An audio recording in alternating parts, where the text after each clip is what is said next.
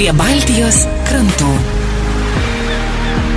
Laidos partneris Lietuvos jūrų muziejus.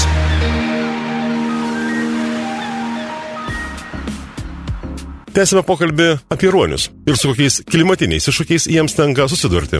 Dabartiniu metu be abejo problema yra ta, kad reiškia, klimatas šiltėja ir ne visur susidaro ledas. Tokiu būdu, ypatingai čia, kur arčiau mūsų, na, sakykime, šalda vėlgi puikiausiai visa Rygos įlanka, kur ten, sakykime, pilkiai ruoniai vesdavo jauniklius dabar, reiškia, mažiau ten tų šalimo jau yra ir pablogėjo sąlygos. Vesti jauniklius ant ledo. Tai tokiu atveju ruoniai ieško kitų vietų patelės, reiškia, kur vestos jauniklius, konkrečiai ulėtose salelėse be abejo pagrinde. Ir be abejo sumažėja iš kitų galimybių ir tokiu būdu mes pastebime ir prie savo krantų, kad reiškia vis daugiau tų jauniklių, ilgųjų ruonių pastebima, žmonės randa kur nors plėžuose išsekusius, paliktus savo motinų, kadangi reiškia trinka tas ciklas ir tokiu atveju reiškia jaunikliai bū gali atsirasti tokiose sąlygos, kada reiškia netelės nebeprižiūri normaliai, jų nebepamaitina ir panašiai. Trikdžiai, jie patenka į žmogaus lankomas vietas ir panašiai. Žinoma, yra ir gerų žinių.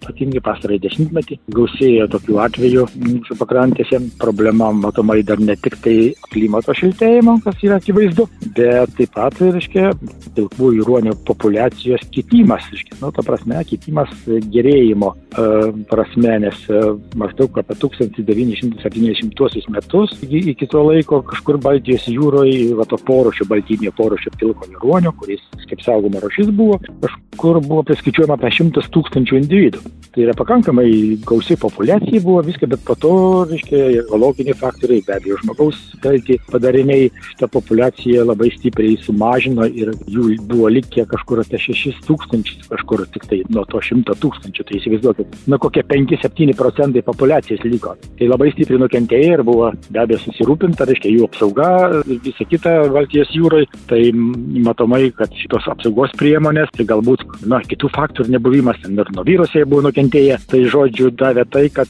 dabar populiacija atsistato tam tikrose regionuose, ypatingai Skandinavijos šalių, Švedijos ir Estijos ir Suomijos pakrantėse, reiškia, pilkųjų ruonių populiacijos būklė yra gera yra tiek gera, kad, reiškia, sudaromos kvotos, Estijoje kažkur sumedžiojama apie 50 pilkųjų ruonių, kad, na, reguliuoti jų skaičių ir mažinti konfliktą su žvėjais. Panašiai yra ir Švedijoje, ir Suomijoje, kur, reiškia, populiacija apskritai dabar vertinama apie 32 tūkstančius, reiškia, jų. Na, aišku, geras trečdalis buvusi tokie, kaip mano minėto, apie 100 tūkstančių. Bet tai, reiškia, ta situacija gerėja ir, va, kada populiacija plečiasi, be abejo, ir patekimas į mūsų pakrantės, reiškia, tų jauniklių arba šiaip suaugusių ruonių migracija, be abejo, vis darosi vis pastebimesnė.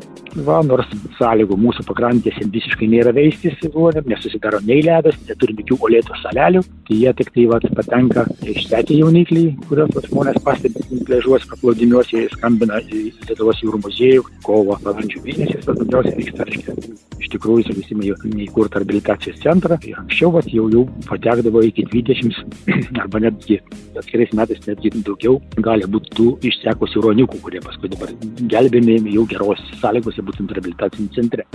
Po pertraukos Lietuvos jūrų muziejaus akvariumo ir jūrų gamtos skyriaus vedėjas Saulis Karalius kalbės apie ruonių ir žvėjų konfliktus.